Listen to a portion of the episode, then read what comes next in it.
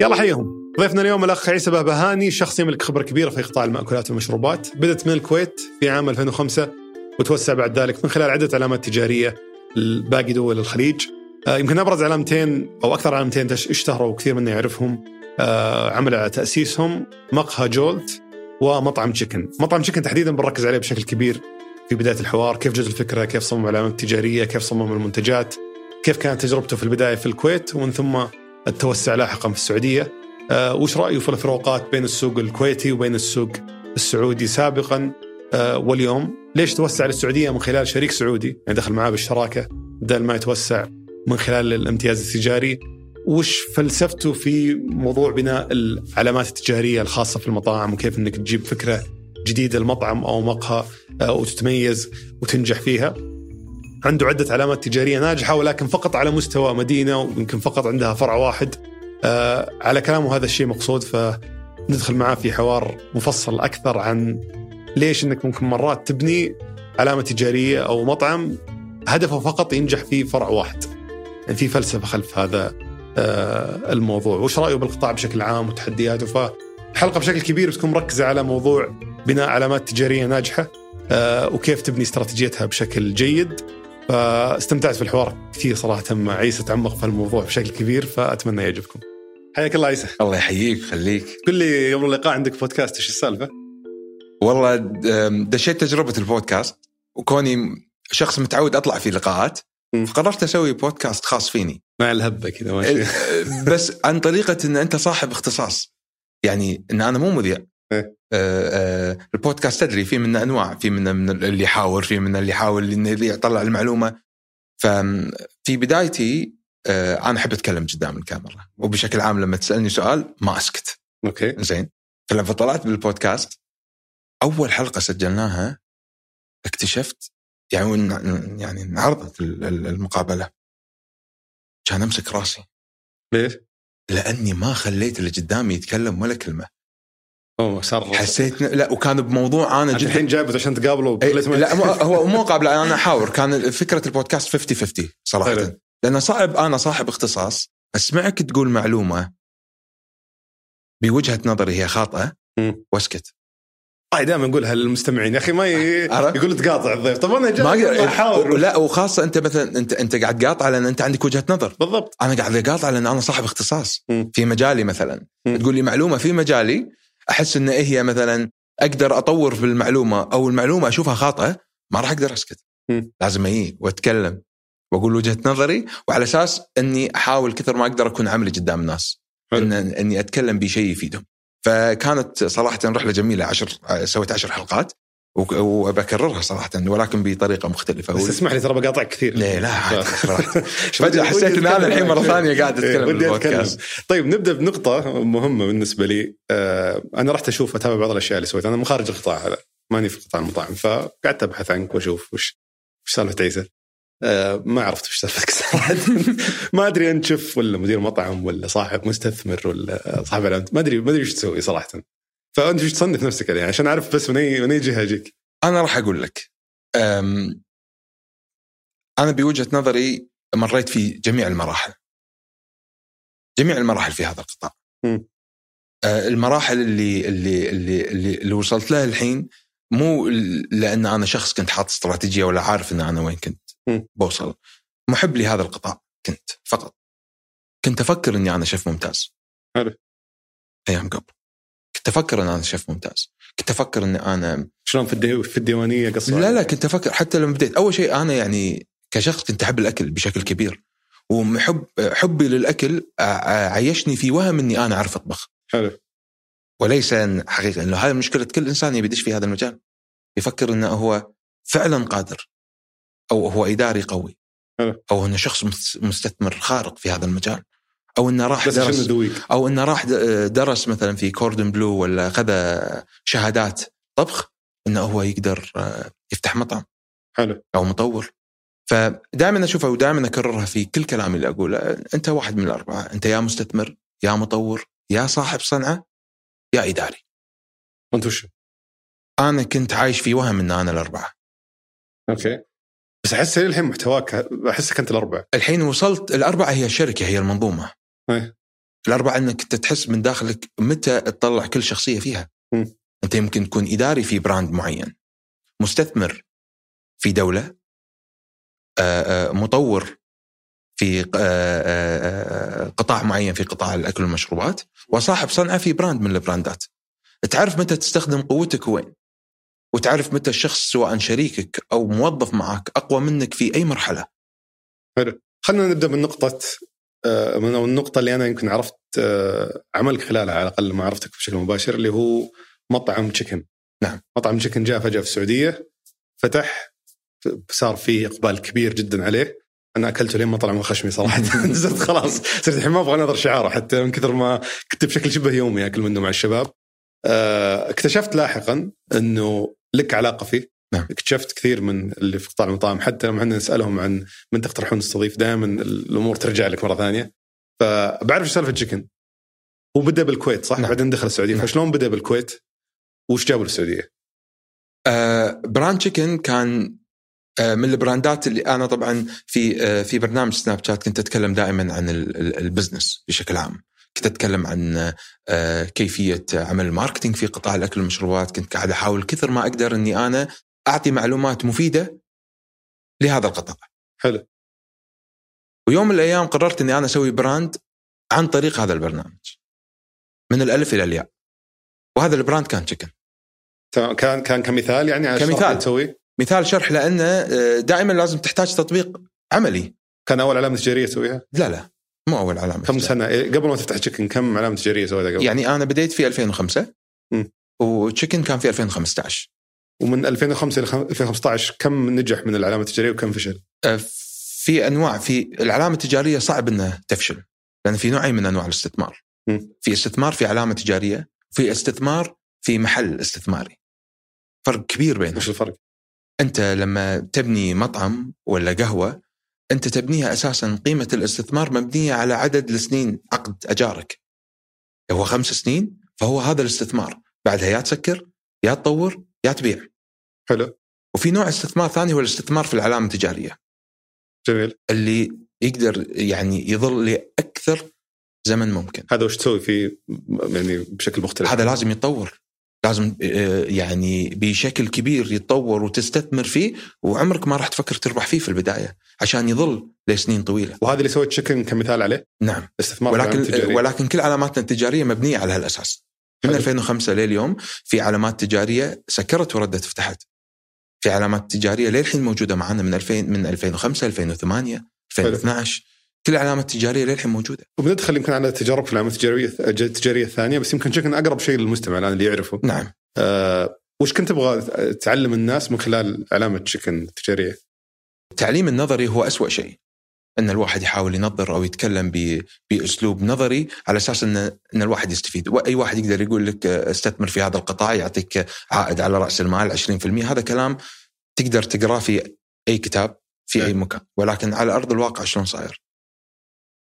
على أرض الواقع مختلف جدا بشكل كبير، ماكو. شيء اسمه صح وخطأ. سعد مو بتفتح محل عشان تشرح يعني لا. أكيد إنه كان لا لأن, أتوقع إنك كنت تبغى تسويه. لأن هذا شغلي، أنا مو فات- أنا مو فاتح Chicken عشان أعلم الناس، إيه. هذا شغلي. أتوقع كذا السياق كان كأنه أوه لحظة مو مو- شكلكم مو فاهمين. خليني أفتح محل. آه، لا مو مفاهمين. هو brand إحنا إحنا نعرف ان إحنا لأن أنا كنت أملك علامة تجارية Texas Chicken أوه ما شاء الله okay. في 2008 كنت وكيله يعني. كنت وكيله في الكويت. حلو. في 2008 حاولت إني أنا آه، أدخل في قطاع الأكل والمشروبات لأن أنا كان عندي brand في 2005 ل 2008 آه، إحنا عمرنا ما بدينا في بيت في 2005 يعني بدينا business طبيعي. في 2008 كنا نحاول إن إحنا نسبق نفسنا في خطوة. بدال ما إحنا نبني من الصفر ونطلع ونتوسع أكثر فشرينا شركة قائمة موجودة. وكانت هذه الشركة شركة غذائية فيها جميع الرخص. وكان وقتها أن الرخص صعبة تطلع يعني غير يعني زمن 2008 يختلف اختلاف كلي. مم. عن الحين والتطور اللي صاير في كل حلو. الدول فقلنا خلينا ناخذ شركة قائمة فيها جميع أنواع الرخص مم. ومن هذه الشركة كانت تملك آه، علامة تجارية تكساس في 2008 وظلينا آه، اشتغلنا في العلامة التجارية ل 2012 وما جددنا العقد حلو فصارت عندنا خبرة ليش ما جددت؟ ما جددنا لأن في ذاك الوقت بوجهة نظري كان موضوع العلامات التجارية بدا ياخذ منحنى آخر. العلامات التجارية خاصة الأوروبية وغيرها. بدا تاخذ منحنى جدا مختلف. اللي هو شو؟ ان إن الناس نفسهم في كل مجتمع بدا يعني يستثمر ويطور نفسه في هذا القطاع وخاصة في الكويت وقتها. كان في تحرك جدا كبير من المجتمع في بناء براندات بداية براندات. يعني كنت تشوف إنه السوق تطور تطور وسبق العلامة التجارية اللي كانت خلاص. صار إن هذا الشيء قديم وصار إن الكل يتجه إلى الاستثمارات في البراندات المحلية في وقتها في 2012 وهذا اللي قادك إلى شكل؟ وهذا لا هذا القادني إلى إلى إلى ترك العلامة التجارية. أه. وإن إحنا نكمل فقط على برانداتنا. لأن إحنا خذينا العلامة التجارية كشركة وليس العلامة التجارية نفسها. وكنا ندري إنها بتخلص خلال أربع سنين. حلو. فكان استثمار في التشغيل نتعلم منه ونعرف شلون إدارة الفرانشايز بالطريقة الصحيحة. على أساس إذا إحنا نقدر نتعلم وين نبي نوصل. وكانت خطة مبنية على شراء شركة فيها علامة تجارية وشركة قائمة فيها موظفين وفيها رخص وكذلك شركة قائمة فيها مطبخ مركزي. حلو. لأن على أساس نقدر نتوسع بشكل كبير لبناء بنية تحتية للتوسع. ففي 2012 تركنا العلامة التجارية. وبدينا نبدي في شغلنا بشكل جدا كبير. من 2014 وبدينا في المطابخ السحابية في الكويت. وكان وقتها ما كان المسمى مطابخ سحابية. المسمى الصحيح كان satellite. مطابخ ال satellite ليش؟ لأن أنت عندك براندات وتحاول إن أنت تتمركز في مناطق معينة. مناطق معينة. م. فكانت تسمى في هذا الاسم. وكان عندنا تقريبا ثمان أفرع في 2014 وفي هني بهالوقت قررنا إن نبدي في البراندات في مطابخ السحابية. وكان Chicken أول brand يبتدي في مطبخ ك satellite أو سحابي. حلو. بدون واجهة. تركت علامة تجارية دجاج ورحت بديت دجاج برضو يعني. نعم بعد سنتين. وش الأشياء الجديدة اللي كنت تبغى يعني توضحها للناس إنك تقدر تقدر تميز فيها هناك. آه، إحنا إحنا مو على تميز. إحنا في النهاية اللي يقول لك أول واحد اخترع شيء كذاب. وأي واحد شخص يقول لك إن أنا اخترعت وهذا قلدني كذاب أنت ما تقدر تخترع أي شيء. أنت تطور فقط تطور اللي موجود تطور ف... تقدر إنك أنت تخلق شيء جديد بفكر ومفهوم مختلف على حسب التنفيذ وش طورت أنت؟ اللي طورناه طال عمرك طريقة التفكير لأن شفنا السوق العالمي متجه إلى ال ال ال ال ال القيمة المضافة في زيادة ال ال ال خلينا نتكلم المنتج إنه يكون على مستوى عالي. في نظرية أنا الحين أشوفها إن في أي شيء يبدي يبدي دائما رخيص لأن الناس ما تعرفه. بعدين تبدي الناس تستثمر فيه بشكل كبير ويصير التعلم فيه بشكل جدا كبير ويبدي إن الناس شنو تصير؟ تاخذه إلى منحنى جدا عالي ومستويات جدا عالية وسعر عالي. وبعدين يجي زي مثلا الهوايات اللي ياخذون أول شيء يبدون أول شيء برخيص بعدين يبدون يفهمون عليها أكثر أي شيء في الدنيا يبتدي رخيص كبزنس حتى خطوط الطيران ولا أي شيء أي خطوط طيران ولا فندق جديد يبي يدش في أي سوق ولا في أي قطاع يبدي شنو؟ شلون يجذبك؟ شلون يجذب العميل؟ م. بس ممكن يكون علامة تجارية فخمة يعني هم أساسا ما يقدر يبدأ. لما تبدي شيء جديد م. سواء من هذول العلامات يعني مثلا من أكبر الطيارير أو أو خطوط طيران في العالم بدأت بدأت في السعر الرخيص لأن رايحين ماس رايحين كثر ما يقدرون على مجتمع جدا كبير والبراندات وأي شيء جديد في هذا القطاع خاصة يبتدي رخيص. بعدين يبدي الاستثمار فيه الثقافة فيه التطور بشكل كبير. بلش أنا ماني فاهم النقطة هذه. عشان بس أكمل لك إياها. طيب. توصل أنت في brand تحاول تبدي رخيص. حلو؟ على أساس تبدي تتوسع والناس تعرفه. أنت شلون تشتري شيء جديد بالنسبة لك ويكون جدا غالي؟ صعب. صعب إن أنا مثلا أبدي شيء جديد. مثال في أي brand أبدي أو أو مثلا ال burgers لما بلشوا شلون بلشوا ال burgers؟ غالي؟ لا رخيص premium؟ لا هل في برجر بدا غالي؟ أي ساندويتش شفته بدا غالي؟ أي نوع من أنواع الأكل بدا غالي؟ صعب جدا. أي شيء يبتدي رخيص إذا يقدم جديد للسوق. بعدين يوصل إلى منحنى تطويري جدا كبير والثقافة وإن الناس مستعدة تدفع أعلى ويروح على مستوى عالي. أنا أتكلم اجمالا عن السوق لما السوق يدخل أنا- السوق شيء أنا جديد. مو- أنا الحين قاعد أكلمك شلون ليش تشيكن أنت قاعد تقول شنو اللي يميزك في تشيكن أنا راح بالي إنه أي مطعم جديد لا لا. لازم يبدأ أنا. قاعد أكلمك على أي شيء جديد. أنت لأن سألتني على تشيكن ليش بديت فيه؟ وشنو اللي زي ما صار بالبيتزا عندنا مع مايسترو مثلا. بالضبط. شلون غيرت تشيكن أنت آه، شنو اللي سويته جديد؟ وبعدين يبدي الجيل الجديد يدش متعلم مثقف أكثر عنده فكر مختلف م. يبدي ياخذ هذا المنتج الغالي ويقول أنا أعرف أنفذه به بشكل أرخص. بشكل أرخص. وهذا منحنى جميع البراندات في السوق. اكتشفت هذا في خلال 15 سنة اللي فاتت. كل شيء يبدي رخيص يروح لأعلى مستوى بعدين يبدي في الجيل الجديد اللي أساسا ما يعرف هذا المنتج شلون بدأ. شافه في أعلى مستوياته يبدي ينفذه بطريقة أرخص. هذا اللي سويناه في تشيكن كان السوق كله مبني على سندويشات الدجاج المقلي الرخيصه وشفت ترند عالمي رايح إلى ال- ال- ال- ال- ال chicken بغالي premium فقررت إني أنا أسوي brand يعتبر الأول من نوعه من ناحية إنه هو قيمة مضافة و premium. كيف شفت الترند؟ آه، من الصفر. حياتنا في التعلم وفي التطور. إحنا نشوف ناس أفضل منا. هل هو إحساس ولا شيء أرقام ولا وش لا؟ في نوع. من الأرقام تجي بعدين. الأرقام business م. الأرقام مو مو مو تطورك. أنت تبي تصير آه، مطور خارق تفهم أرقام. ولكن في البداية والحس التطويري تكون مو أرقام. الحس التطويري إنك أنت لازم تحلم. لازم يكون ما عندك آه، شيء يخليك ما تفكر. فلما شفت هذا البراندات برا قلت ما في brand. دجاج مق- مقلي على مستوى عالي. م. وما في brand يبدع في الصوصات بهالطريقة. كل الصوصات تجارية ولا صوص تجاري يا صوص واحد أو كاتشب أو مايونيز. فطلع طريقة تفكير إنه شلون إن أنا أقدر أسوي brand على مستوى جدا عالي ويكون سعره مو رخيص على السوق وقتها وأبني معاه صوصات بشكل جدا مميز. وهذا اللي ميزنا فيه Chicken في البداية. فبديته مع الناس. الدراسة المالية شلون تصير؟ لما سويتها في مطبخ صحابي في 2000 و- قاعد أتكلم في 2014 خذينا المطابخ في 2015 أول تست سويناه. وكان مبني على توصيل على مناطق معينة على أساس انه خلال سنة يبدي يتوسع في ثمان مطابخ كساتلايت. فكان من بداية البراندات اللي بادية في ذاك الوقت بدون واجهة محل. حلو. فخذيت الخطوة من الألف إلى الياء مع الناس. كانوا ينقون معي شعار كان ينق... آه، آه، أوريهم الدراسة المالية والأسعار فكانوا يختارون معي كل شيء. الحين انطلاقة.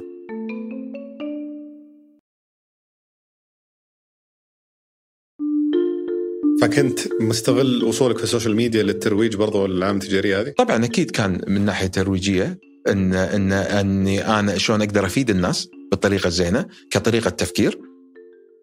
وشلون إن هي تقدر تفيدني في انتشار في ال brand بالطريقة الصحيحة وبدايته بالطريقة الصحيحة.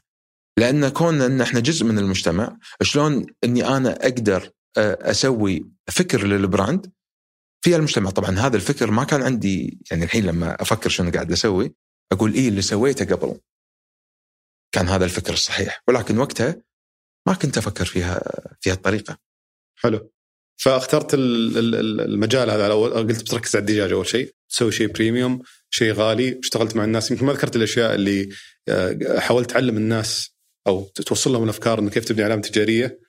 وش الشيء اللي طبقته؟ أه، مو هي مو تطبيقي هي إن أنا أوريهم شلون العلامة التجارية أو- تبدي. كيف شلون تسوي؟ ليش؟ غير نوع الأكل والسعر؟ ليش سويت المنيو بهالطريقة؟ ليش؟ كانت بس عشان اللي ما قد أكل في المطعم ليش نقيت مثلا آه، آه، line ساندويتش واحد؟ ليش قدرت إني أنا آه، ليش أحط بطاطس بهالطريقة؟ ليش اسعره بهالطريقه شنو طريقة الفكر وسلوكيات الناس إن هي شنو تطلب دائما؟ آه، ليش ما حطيت وجبة في البداية؟ ليش حطيت الصوصات بهالطريقة؟ فأقول لهم شلون آه، تطور قائمة الطعام وشلون تطور ال- البراند اللي أنت قاعد تسويه على أساس يقدر يوصل لأكبر شريحة ممكنة في ذاك الوقت. لأن في ذاك الوقت في 2014 كان كل شيء عبارة عن شريحة مستهدفة. الحين الفكر يختلف تماما. وش اختلف؟ من الأشياء اللي تعلمتها خاصة لما بديت أقعد في السعودية وخاصة من شريكي يعني مصعب من بعد النقلة اللي صارت في تشيكن في السعودية تعلمت إن ماكو شيء اسمه شريحة مستهدفة. وش كان المقصود بالشريحة المستهدفة؟ فئة عمرية. بسوي لها منتجات منتج خاصه فيها. إيه. ولكن الفئة العمرية اكتشفت أو الشريحة المستهدفة هي عمرها ثلاث سنين. لما أنت تروح مكان ولا قهوة ولا مطعم دائما تشوف نفس الناس. لأن أنت في نفس الشريحة. وانت خلال خمس سنين صعب تاكل نفس الأكل لأن الناس تستهدف شريحة ولكن سلوكيات الناس تظل 15 سنة. م. السلوك ما يتغير الشريحة تتغير. لما أنا أقول أبي أركز على شريحة من 20 إلى 23 سنة. طبعا الشريحة المستهدفة تعريفها اللي هو 70% من مبيعاتك تكون من فئة عمرية واحدة. مم. و30% كل الفئات. وش تسوي إذا ما تستهدف شريحة معينة؟ وش ال- تبدي تستخدم سلوك وهذا اللي أنا تعلمته. زي إيش؟ اعطيني مثال؟ يعني لما أنا أبدي في سلوك الصباح. شرب القهوة الصباح هل هو سلوك ولا شريحة؟ سلوك. فالسلوك طول عمره راح يظل. هل لو غيرت وظيفتك من مكان لمكان راح توقف تشرب قهوة؟ لا بستمر أشرب قهوة. ولكن شريحتك تتغير. سلوكك ما أنتقل يتغير من طالب إلى موظف ولا أتغير يعني؟ فالشريحه تتغير السلوك ما يتغير. سلوك الشخص اللي يجمع ربعة ولا البنت اللي دائما تجمع أصحابها عندها في البيت هل هذا السلوك تتغير؟ لا. طول عمره يظل فالشريحة تتغير ولكن السلوك عمره ما يتغير ويظل معك 15 سنة فبناء business على السلوك هو ال business الحقيقي في ذاك الوقت كنت أفكر إنه هو كل شيء شريحة تشيكن سريع شريحة ولا سلوك؟ الحين تحول من شريحة إلى سلوك بالتطور اللي تطورناه بسبب دخولنا إلى سوق قوي جدا وش صار أي سلوك استهدف؟ أنا أكون صريح معاك. ليه بعد كورونا كان الفكر عندي فقط شريحة مستهدفة؟ اللي هي الشباب اتصور؟ هلا؟ الشباب اتصور. لا شريحة بعيدا عن ان تشيكن أي شريحة. أنا قاعد أكلمك بشكل عام. حلو بعيدا عن أي براند إن إن مخي دائما كانت شريحة.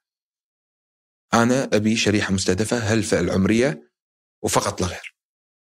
ولكن بعد كورونا وبعد تحقق يعني تحقيق نجاح جدا كبير في ال brand اللي بفضل الله ثم فضل شريكي مصعب لأن لو أنا داخل في ال brand بروحي كان عمري ما قدرت اني أنا اوصله ابدا ولا واحد في المية ولا خمسة في المية من اللي صار في السوق السعودي. وهذا اللي تعلمته أكثر شيء. بنيجي على السوق السعودي الآن بس قبل قبل ما ندخل في السوق السعودي السوق الكويتي تشيكن كان ناجح؟ لأن كني سمعت إنه ما كان مؤدي أداء جيد مقارنة السعوديه النجاح آه، والفشل مقياس كل شخص وين يبي يوصل.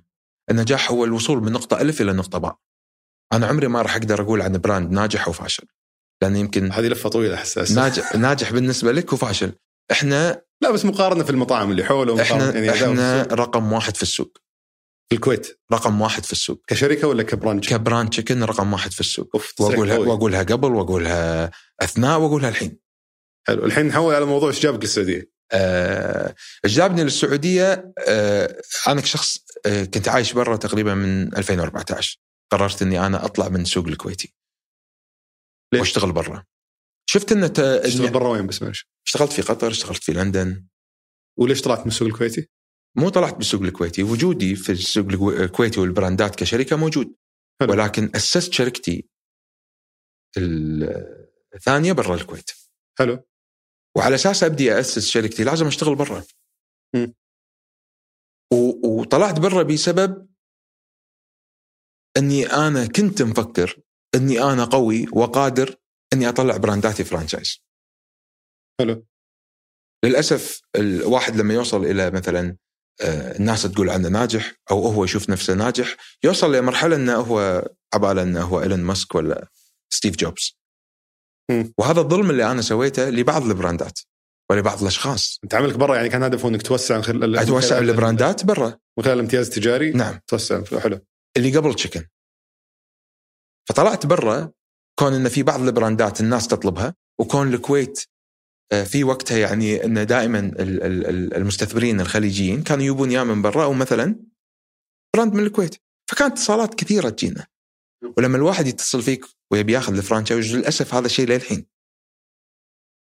كنت أحس لمرحله إن هذا الشخص يبي ال brand أنا قوي أنا ناجح أنا لازم أوافق. لازم توافق؟ مو أنت قاعد تقول لازم؟ وقتها في 2012 واحد يجي واحد و2010 واحد يجيني يقول لي أبي franchise أقول له لا. آه، أنت قصدك إنه هذا دليل نجاح؟ إنه دليل وهذا قوي. خطأ. هذا مو دليل نجاح. وليه يوم اقولها أي واحد يتصل فيك يقول لك franchise لا تعطي. ليش؟ لأن في خطوات جدا كبيرة وجدا كثيرة لازم تسويها على أساس أصلا تكون أنت مهيئ إنك تطلع ال brand مالك برا. حلو فلازم يدرسها كويس مو ما يعطيه لا أنا عندي فكر ثاني راح أتكلم أوكي. فيه بعدين. زين فالموضوع مو بس فقط franchise فلما بديت أطلع برا الكويت قمت أتطور بشكل جدا كبير. يعني خذيت القرارات الخطأ إني أنا قمت أطلع brand وأنا مو فاهم للحين. صرت تطلعك franchise برا. franchise برا وأنا مو فاهم. إيه. وديته قطر وديته الرياض. وش المشاكل اللي طحت فيها؟ لأن أنت آه، في بالك إنك أنت قادر دامك نجحت في الكويت تقدر تنجح في أي مكان. اي وش وش العوائق اللي واجهتها وأنت قاعد تحاول توسع برا الكويت وما هي هي مو عوائق. هو العائق الأساسي إنك أنت عايش في وهم إنك أنت تقدر. هذا أول شيء. حلو فوش الجدران اللي خبصت فيه؟ آه، فكل شيء. ما في شيء ما خبصت فيه. يعني اعطني مثال أو أمثلة على على التخبيص. هذا اللي صار لأنك ثقتك زايدة بنفسك. أول شيء آه، مفهوم ال- ال- ال- ال- الامتياز التجاري مبني على أسس معينة. هو ياخذ منك امتياز لأنك أنت عندك شيء هو مو ما يقدر ينفذه أو غير قابل للتنفيذ.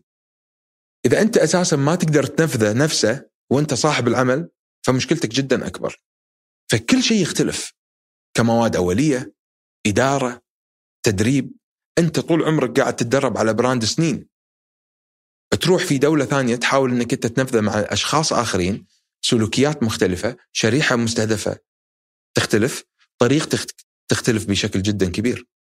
فمنها عقود امتياز صحيحة أو خاطئة. منها تدريب صح أو خطأ. منها مواد أولية صح أو خطأ طريقة الإدارة شلون صايرة. مم. وبسبب إن إحنا نشوف ناس غيرنا طلعوا نقول عنهم شنو؟ هذا قدر يطلع أنا أقدر. أطلع. هذا أنا كان- أحسن منه. وهذا أسوأ قرار أنا اتخذته. ولكن أسوأ قرار أنا اتخذته هو السبب اللي خلاني أن أنا أطور نفسي بشكل جدا كبير. لأني بديت أعرف مجتمعات أخرى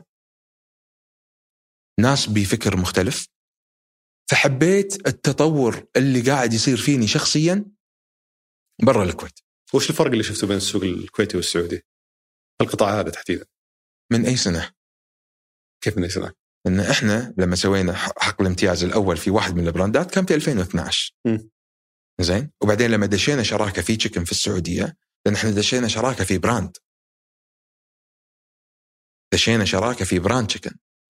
brand تشيكن تحول من head office أو مكتب الرئيسي من الكويت إلى الرياض حلو أنا أبغى أتكلم عن السوق اجمالا اليوم للناس اللي يبغون اليوم سواء اللي قاعدين يسمعون الحلقة من الكويت ويتوسعون للسعوديه أو اللي عندهم فضول عن الفروقات بين السوق الكويتي والسعودي. أول شيء أبرز الفروقات اليوم؟ أنا راح أقول لك شيء عشان يفيد الناس وأقول لك الفروقات أول شيء أي سوق قوي مبني على أنت شنو الهدف مالك إذا تبي تبيع 7000 ريال أو 5000 ريال أو 10000 ريال هذا أي سوق يقدر يعطيك إياه. ما تضطر إنك أنت تطلع من دولتك إلى سوق صعب جدا. لازم تقيم السوق بالطريقة الصحيحة. لازم تعرف إن أنت شنو البراند وشنو نقاط قوتك ونقاط ضعفك اللي تخليك تطلع بالسوق الصح. فدائما أي سوق قوي في أي دولة في سوق الأفضل والأكبر والتوسع فيه أكثر هني تفكر في سوق الرياض. يعتمد على اهدافك يعني. يعتمد على هدفك من الدرجة الأولى. لأن كثير ناس تقول لك آه، روح السعودية مثلا ولا روح الرياض ولا لأن السوق قوي. لا أنت شنو قوتك وشنو الهدف مالك؟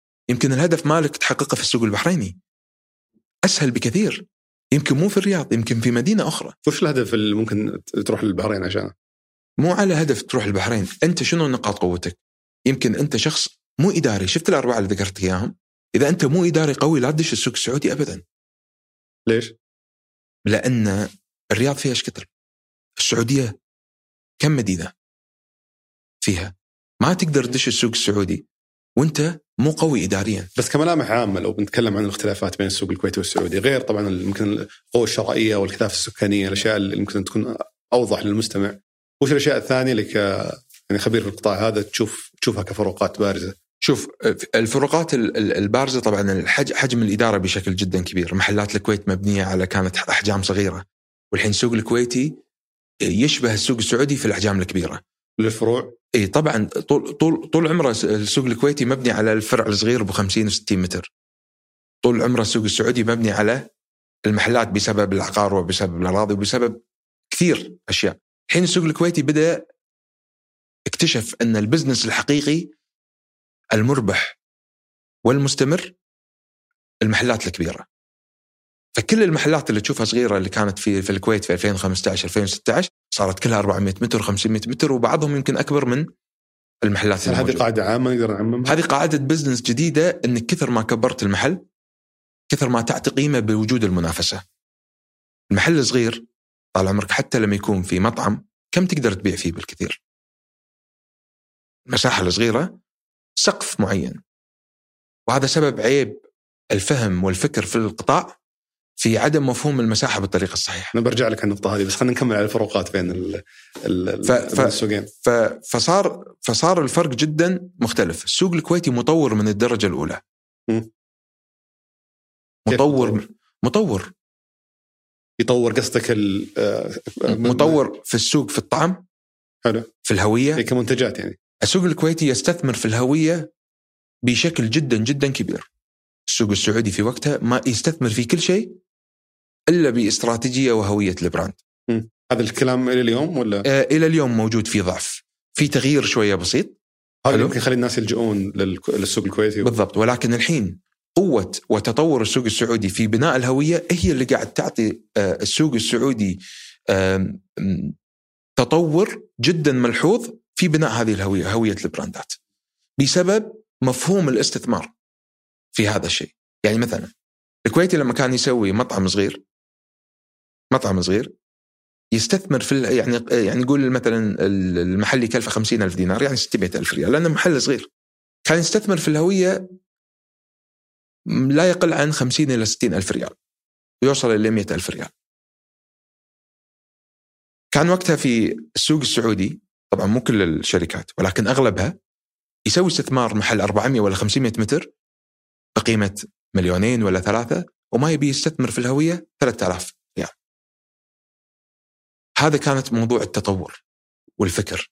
ولكن الحين نشوف شركات بناء الهوية القوية السعودية قاعد تاخذ حيز كبير من السوق الخليجي الاستثمار الهوية وش تسوي يعني؟ أساس ما ما ينفهم كلامك إنه أسوي لك شعار حلو. لا لا. الشعار هو أسهل شيء.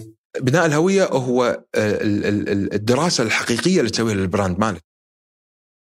بناء الاستراتيجية الصحيحة للهوية تختلف اختلاف كلي عن بناء شعار صحيح بناء استراتيجية تقدر تخلي هوية ال brand استثمار في الهوية تختلف عن الاستثمار في المحل اللي قلت لك إياها في أول شيء. الاستثمار في الهوية بس لو توضح معالمه الأساسية وش؟ يعني وش تسوي؟ الاستثمار في الهوية دائما أنا اشوفها ريسيرش.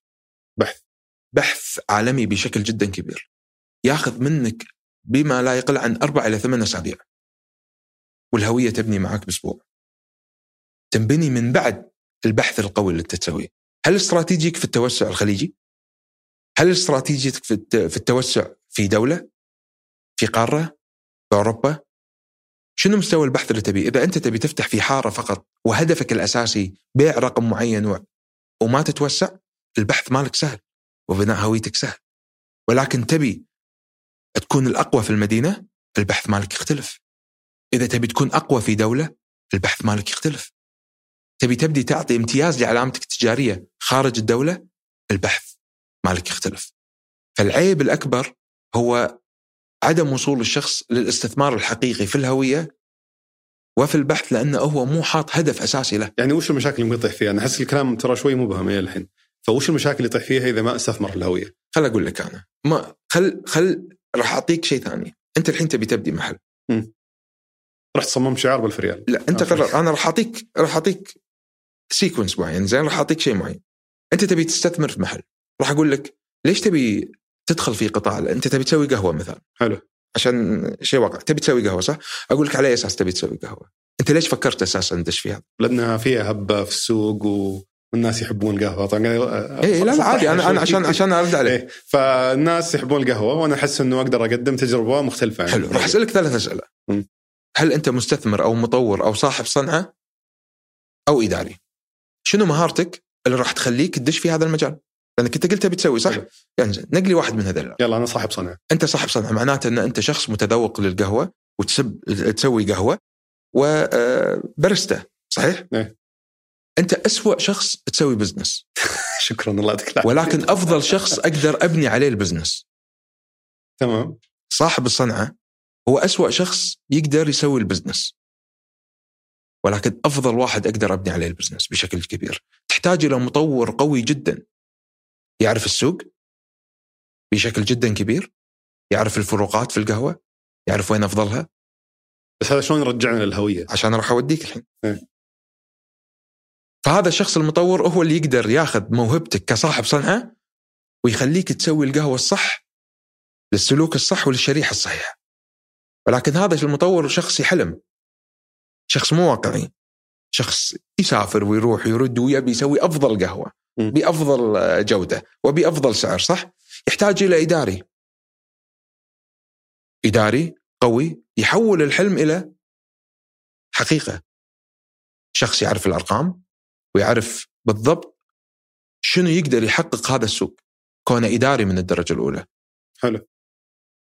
والإداري يحتاج إلى أن أن يقنع مستثمر. والمستثمر ما راح يقدر يحط له قروش ويحط له فلوس إلا بوجود إداري. فحقق لي هذا المعادلة اولا. اللي هم صاحب الصنعة والإداري والمستثمر أنا والمطور. أنا قاعد أكلمك دايركتلي كانك أنت شخص قاعد تقول لي أبي أسوي قهوة. وأنا قاعد أجاوبك اوريك شلون أنت توصل للهوية الصحيحة. طيب جبنا جبنا اربعه طيب. جبت الأربعة. خلاص عرفت إن صديقك هذا يقدر يصير المطور. لأن في واحد يقول لك أنا توني بادي شلون إني أنا أقدر؟ صح ولا لا؟ أنت توك بادي شلون تقدر توظف واحد بهذا المستوى اللي قاعد أقول لك إياه؟ شارك. مو معقول إنك أنت تبي تدخل وما عندك تملك هذه المهارات. ما تملك هذه المهارات وتبي تملك 100% أكيد شغلك راح يبني هوية فاشلة بدون استراتيجية وال risk مالها جدا عالي. فشارك. شارك الإداري. شارك صاحب الصنعة. شارك المطور. على أساس في مستثمر يقدر. وأكبر خطأ المستثمر يتخذ أي قرار. مو معناته أنت مستثمر أنت مدير عام. مو معناته أنت مستثمر أنت لك الحق أنك تتخذ القرار. الإداري هو اللي بيتخذ قرارات المستثمر هو أضعف واحد في اتخاذ القرار. مم. لأنك أنت مستثمر. والعيب الأكبر أن أي واحد حاط الاستثمار يقول إن أنا صاحب القرار. فحققنا هذه المعادلة صح؟ حلو. أنت جديد على هذا السوق. أي أسألك سؤالين. كم حاب تستثمر؟ 100000 أي مئة ألف؟ شنو؟ ريال. ما تقدر تسوي. طيب آه، مليون. تبي تستثمر مليون. حلو. وفي أشخاص يقول لك ما أعرف كم أبي أستثمر. صح ولا لا؟ صح. ففي شخص عارف بالضبط كم ال- ال- ال- المبلغ لأنه سواء واحد مليونير ولا اللي يقول لك الخير موجود كذاب حلو. كل واحد عنده حد معين. واضح؟ فأنت دائما كل شخص عنده بجت وحد. وفي حال عدم قدرتك على الإجابة على السؤال جاوبني الثاني كم العائد الربحي اللي أنت تبيه؟ واللي يقول لك ما يعرف العائد الربحي هم صعب. لما أنت تخرجت أو تبي تتوظف هل توافق إنك تتوظف عندي ب 2000 ريال؟ معاش. إيش راح تقول لي؟ لا طبعا. ليه؟ قليل. ما يسوى التعب. بالضبط. فأنت عندك هدف مادي بالوظيفة وتقدر تضحي فيه بمبلغ قليل في حال التعلم صح؟ مم. نفس الشيء في ال business. فهم ثلاث أسئلة. أي واحد أنت من الأربعة؟ كم تبي تستثمر؟ وكم تبي العائد؟ ممتاز. في حال إنك أنت ما قدرت تجاوب الثلاثة فأنت لا تدخل هذا ال business تماما. ابدا. لا تفكر. أي أقل شيء تقدر تسوي إنك أنت تكون مستثمر فقط. إن أنت تملك المال الم... ال- ال- يعني عندك المال والمادة وتستثمر فيها في شخص. طب أنا مشيت صح في مشيت صح؟ هني تقدر تبني هوية صحيحة واستراتيجية وبحث عميق لأي براند تقدر تسويه. مو مهم الفكرة ابدا. الفكرة ابدا ما كانت مهمة. لا لا قوتها لا إبداعك في الفكرة هو المهم تنفيذها. الفكرة ابدا ما كانت مهمة. هل عندك القدرة لتنفيذ أبسط فكرة بطريقة صحيحة؟ لأن أصعب فكرة تنفيذها جدا صعب. حلو, حلو. وأبسط فكرة زين إذا نفذتها بطريقة ممتازة فتقدر تكون الأفضل. فدائما هذه المعادلة وبوجود فكر صحيح تقدر تبني هوية تدوم معك 15 سنة. حلو بس إلى الحين ما شرحنا وش الهوية. الحين أنت لما أقول لك إن أنت أي شخص من الأربعة وكم حاب تستثمر وكم تبي عائد وما تقدر تبني هوية صحيحة فأنت ليش أصلا داخل أنا؟ بوضح للمستمع وش الهوية؟ يعني هو مثلا وش هوية تشيكن هل هو الشعار البرتقالي؟ ولا وش الهوية يعني وش يميز هوية تشيكن عن هوية brand ثاني؟ أول شيء ان ان إن أي هوية هي ذوق ناس اللي يشوف الهوية صحيحة ولا سهلة ولا صعبة قراءتها فوش المعايير اللي تقول هوية العلامه التجاريه هذه أفضل من الهوية الثانية؟ إن هي تمثل ال brand بشكل جدا كبير. م. مثلا تشيكن سهل قراءتها. لون صريح، هل أنت لما تشوف أي لون برتقالي شنو تفكر فيه؟ آه ما أدري صراحة ما يجي في شيء. في أي مطعم تشوف الكيس البرتقالي راح تفكر فيه آه تشيكن. تشيكن إيه لما تروح لشركات ودائما يحطون ال brand مالك إنه هو آه إن إحنا ما نبي نصير نفس تشيكن أو نبي نصير نفس تشيكن هذه الهوية الصحيحة. مم. إن الناس تبدي تحطك إلى شنو؟ مقارنة. حلو. في بناء هويتهم في مقارنتك في منتج مقارنتك في سعر مقارنتك في كل شيء له علاقة في هذا القطاع. الهوية شيء متكامل ما بين منتج وألوان واسم وكل الأمور هذه. كل هذه الأمور تعطيك إلى براند حقيقي. زين تجربة عميل. تجربة عميل إلى دام إن هي الناس قاعد تقارنها فيك. ولكن نفس ما أنت قلت شفت لما قلت أنت فاشل ولا إن ال brand هذا فاشل ولا لا. المقياس يختلف. أنا ما أقدر أراضي الكل. في ولا brand. السوق أو أو تقييم الحقيقي هو في وصولك إلى هدفك. ليس رأي الناس. أنت واصل إلى هدفك صار لك مثلا كم سنة قاعد تشتغل؟ واصل إلى هدفك الأساسي. حلو؟ هل راح تقتنع إن أنا أقول لك إن أنت منتجك مو زين؟ آه لا بس إذا قفلت مثلا. قفلت؟ لا اللي يقفل ما له علاقة. أنا قاعد أكلمك عن شيء لأنك أنت مثلا ما في هوية أو brand يستمر فاشل.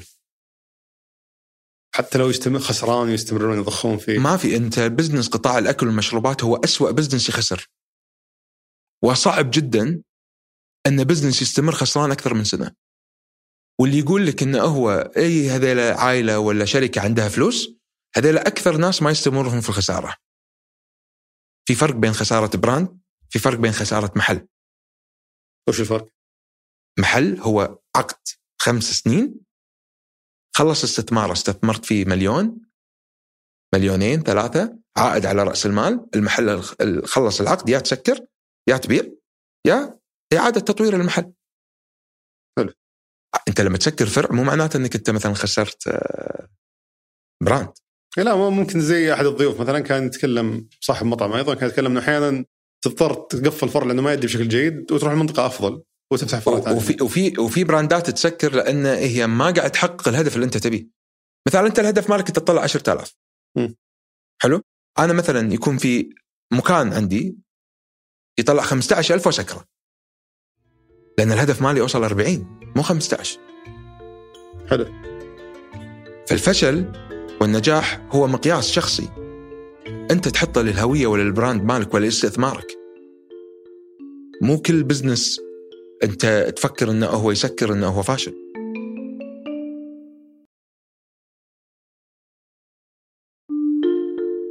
حلو. طب خلينا نرجع بس على موضوع السعودية. وش ال وش اللي أدى بك إنك تعرف أدى أدى فيك إنك تتعرف على شريكك في السعودية مصعب العريفي وتتشارك معاه في في ال brand حق تشيكن تحديدا؟ طبعا هي الشراكه الأولية كانت في brand تشيكن ومن بعدها صارت إلى شراكة ل brand ات brand ات أخرى. فصرنا آه، تقريبا عندنا نملك سبع ثمان brand ات مع بعض ويتم تشغيلها تحت مظلة واحدة حلو من 2000 تقريبا 2017 أو 2008 اسف من 2018 ل آه، هالسنة كانت وليش شراكه شاركت معاه تحديدا هو؟ لأن أنت شنو تحاول تدور من الشريك نفسه؟ شنو تحتاج من الشريك؟ عمري ما راح أقدر أكون الشخص اللي أقدر أنجح في دولة أخرى. صعب جدا. واحد من أمية اللي بطريقة إدارته ولا يطلع من دولة يروح دولة ثانية ويقدر ينجح فيها.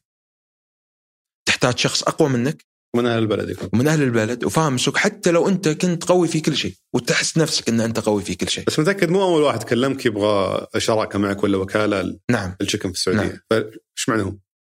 لأن لقيت آه، آه، آه، الفكر ماله في الشخص نفسه إنه يقدر يوصل هذا البراند إلى بعد أنا ما كنت أحلم فيه. حلو فهو يعتبر وكان- مطور يعني من لا لا هو, هو؟ كان وقتها إداري من الدرجة الأولى. وكان ما يفهم في صنعة الأكل والمشروبات. حلو كان ما مو شخص عنده آه، ماضي يعني مثلا أو يفهم في المطاعم. مم. وتعلم الصنعة بطريقة جدا ممتازة واليوم أنا أتعلم منه. أتعلم طريقة الإدارة أتعلم التوسع والفكر الجديد بسبب تطور القوي جدا في هذا المجال فنعم في البداية إن أنا كنت شخص إني أحاول إني آه، آه، آه، أطور في ال brand و و و ونكون مع بعض ونشتغل ونطور الفكر الأساسي في عالم المطاعم لأنه هو ما كان عنده هذه الخبرة ولكن اليوم هو الشخص اللي دائما ألجأ له في قبل أي brand إني أنا اسويه ولا إني أبي أتوسع فيه وأخذ نصيحته هو. وش هيكله الشراكة اللي تسوونها بينكم؟ يعني هي هي كانت شراكة brand ات ما هي وكالة هي؟ لا لا شراكة brand ات. كيف طريقتها؟ شراكة brand مقر يكون في المملكة العربية السعودية وتشغيل. وكانت تحت مظلة تريبيز. اللي هي شركة شركة تريبيز. مصعب اللي تبع مصعب. تبع مصعب. تملك معي بعض ال brand ات. حلو بس قانونيا كيف تطلع ال brand لحاله؟ إذا ما كانت وكالة فكيف تطلع؟ أنت أنت ماكو شيء اسمه مثلا هو أي شيء أنت ك brand تملكه ماكو شيء اسمه brand من دولة معينة. هو استثمار من دولة ال brand يمثل نفسه. حلو. فلما أنت تبدي شراكات شراكات في ال brand نفسه المقر ما يهم وين المقر. فأنت كأنك تبدأ شركة جديدة في السعودية. نعم. فكانت في عدة براندات كأنك تنسخ تشيكن ما ما تتوسع فيه. لا بس هو توسع تشيكن تشيكن في كل الدول. إي فاهم بس قصدي يعني كهيكلة كأنك تبدأ شركة جديدة وتنسخ تشيكن نعم. صارت وليست مرتبطة بالشركة لا خلاص صارت إن المقر مالها هني. وهي معطى حق إدارة في الدول فشركة تريبيس تملك آه، في brand تشيكن فكنا نملك مع بعض عدة براندات وشراكة فيها وشركه تريبيز كانت الشركة المشغلة لهذه البراندات وبراندات أخرى آه، ملك شركة تريبيز كاملة يعني في بعض البراندات. وتم الحين آه، صارت آه، شركتين منفصلتين Step 2 هي الشركة اللي صارت حاضنة لجميع البراندات وتشغيلها وشركة تريبيز ملكيتها اللي هي تشيكن في السعودية وكذلك سورس ويو إل بي هذه كلها ملك تريبيز حلو. و... وإحنا ما لنا علاقة فيها ابدا. وفي البراندات حقتك كانت شراكاتك يعني كلها مع مصعب ولا كان في شركاء آخرين؟ أي براندات على حسب. يعني إحنا قبل السوق السعودي قبل ما أدش في السوق السعودي كانت عندي آه شلون أقدر أخلي السوق السعودي يثق فيني؟ أو المستثمرين يثقون فيني كنت لازم أبدي استشارات. لازم أنت تشوف شيء عملي قدامك على أساس تقدر تثق فيني في هذا السوق. فبديت في براندات كثيرة كاستشارات وكان آه وبعدين دشيت في شراكة في أول قهوة اللي هي جولت حلو. هذه أول شراكة لي كانت في المملكة. كان تبعك جولت؟ إي جولت آه أنا أحد المؤسسين وكنا أربع كويتيين وسعودي. حلو. هذه أول آه، شراكة لي في السوق السعودي. وسويتوها بنفس طريقة تشيكن إنه لا ما له علاقة. هذا brand بدأ في السعودية. في السعودية. okay. بين أربع شركاء كويتيين وسعودي ك brand آه، أساسه في السعودية. م. فأنت لما تقول لي شنو كان قبل كان بس هذا. وبعدين صارت شراكتي مع مصعب مختلفة تماما. بس بنيت مجموعة علامات تجارية يعني غير موضوع جولت اللي اشتغلت فيه. صحيح. آه تشيكن في عدد من العلامات التجارية وكثير منها نجح. على الأقل على مقاييسك فوش اللي تعتقد سر نجاح العلامات التجارية هذه؟ هل هو فقط موضوع الهوية اللي تكلمت عنه أو إنه في عناصر ثانية دائما تحاول تكررها في كل في كل تجربة. طبعا التطور يصير في الشخص في بناء العلامات التجارية وشلون على حسب الأهداف اللي هو يروح. خلينا نعددها أول وش وش هي اللي البراندات؟ إي تحديدا اللي في السوق السعودي. في السوق السعودي طبعا عندك أنت في brand اسمه Chewy Gooey ككوكيز وكان موجود كحق امتياز في 2012 من السعودية. ولما دشيت السوق السعودي دم تم ان ان إن إعادة صياغة الاستثمار والشراكة على أساس إن إحنا نديره. عندك مطعم اسمه جار.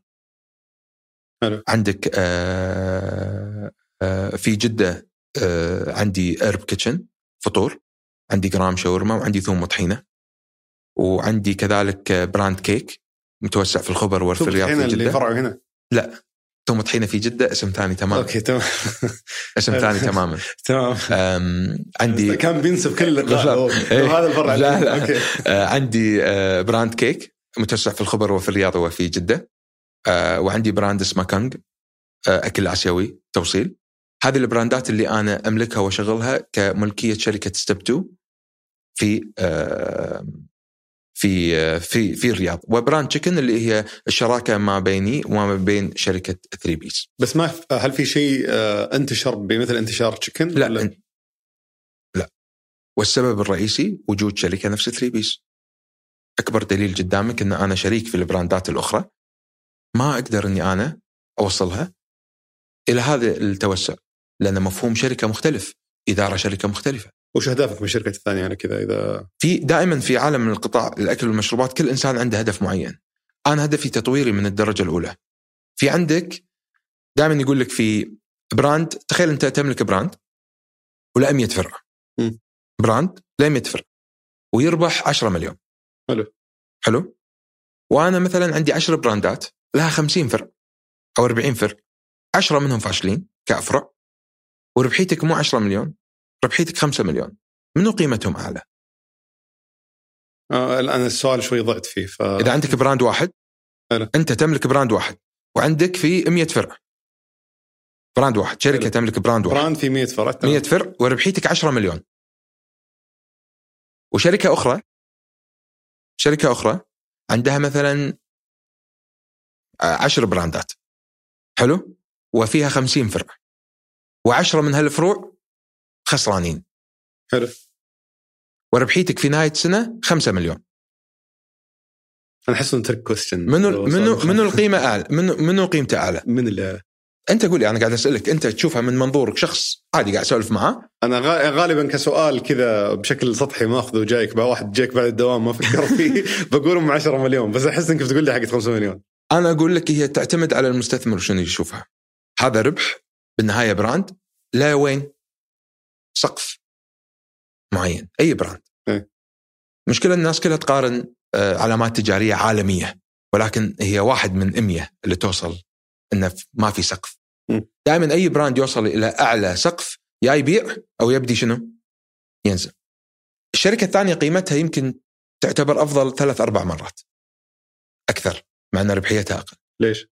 لأنها متنوعة بشكل كبير نجحت في أكثر من استثمار نجحت في أكثر من براند وقادرة على التكيف على السوق. بشكل ف- جدا من كبير. ناحية توزيع مخاطر من ناحية أنا- توزيع مخاطر. وتوزيع إداري. م. والقيمة الأساسية تكمن في الإدارة. هذه إدارة قوية للتوسع. مثلا عرفت؟ وهذه إدارة قوية للتنوع. كل واحد له مخاطر ولا إيجابيات ولا سلبيات. انت ذكرت قبل شوي أكثر من مرة موضوع ال ال ال إنك تبيع ال- الأعلام التجارية، هل عندك تجربة في موضوع إنك تبني علامة تجارية عشان تبيعها؟ أول شيء أي واحد يدش في هذا ال business وما يبيع فأنت عندك مشكلة ليش؟ لأنك أنت د- ليش داش ليش داش هذا ال business؟ إذا أنت تحط إن الشيء مو للبيع. في نوعين. يا إنك أنت تفكر إنك أنت تبني علامة تجارية وبعدين تبدي تدخل الناس معك شراكة وأنت تظل دائما آه، تملك أكثر من 51% وإداري قوي في هذه العلامة وتكمل أو أنت شخص تبيع. إذا أنت لا هذا ولا هذا عندك م- أنت أي واحد لازم تبيع.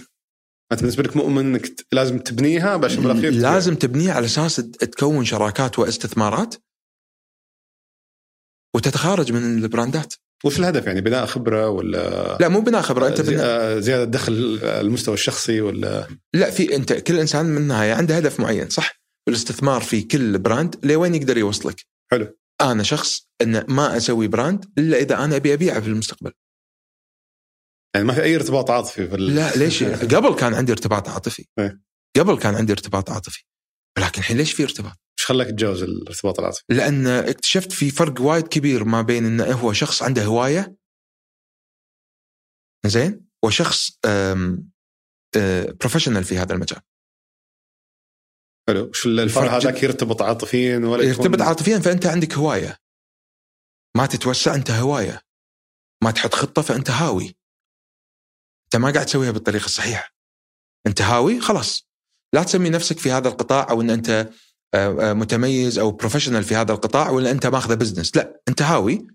فاتح فرع واحد أو brand واحد والحمد لله قادر إنك أنت تبني علامة تجارية وتطلع العائد الربحي مالها.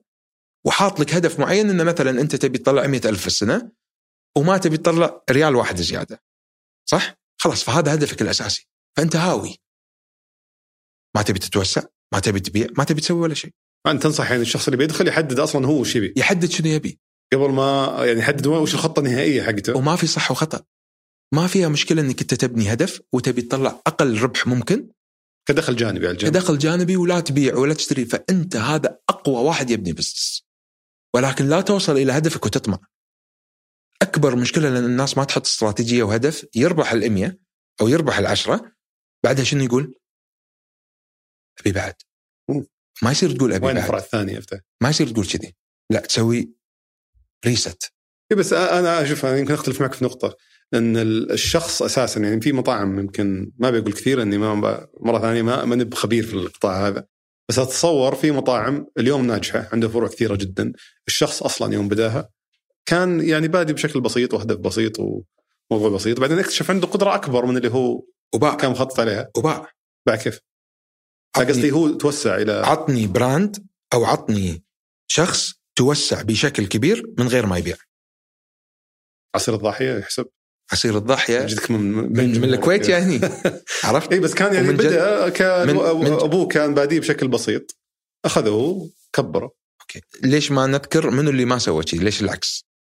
يعني أنت أكيد بتجيب لي brand ولا brandين لا تذكر هذيلا فقط. أقدر أعطيك أمثلة كثيرة في brandات قدرت توصل. ولكن الطريقة الأمثل والأساسية إنك أنت صعب تقدر تتوسع من غير ما تبيع. عطني أكبر شركات العالم. تبيع قصدك إنك تبيع تتخارج تماما شلون تتوسع في أي brand؟ من فلوسك؟ أنت الحين قول إنك ربحت. مم. سويت brand وربحت. شلون تفتح فيه ثلاث أربع خمس فروع خاصة في السوق السعودي؟ شلون تقدر؟ اللي أفترضه إنه يا إنه من من الدخل اللي جايك إذا كان الدخل الجاي كم محل يقدر يفتح لك؟ شلون؟ الدخل اللي جاي ربحت 3 مليون في السنة يعني كم تقدر تفتح؟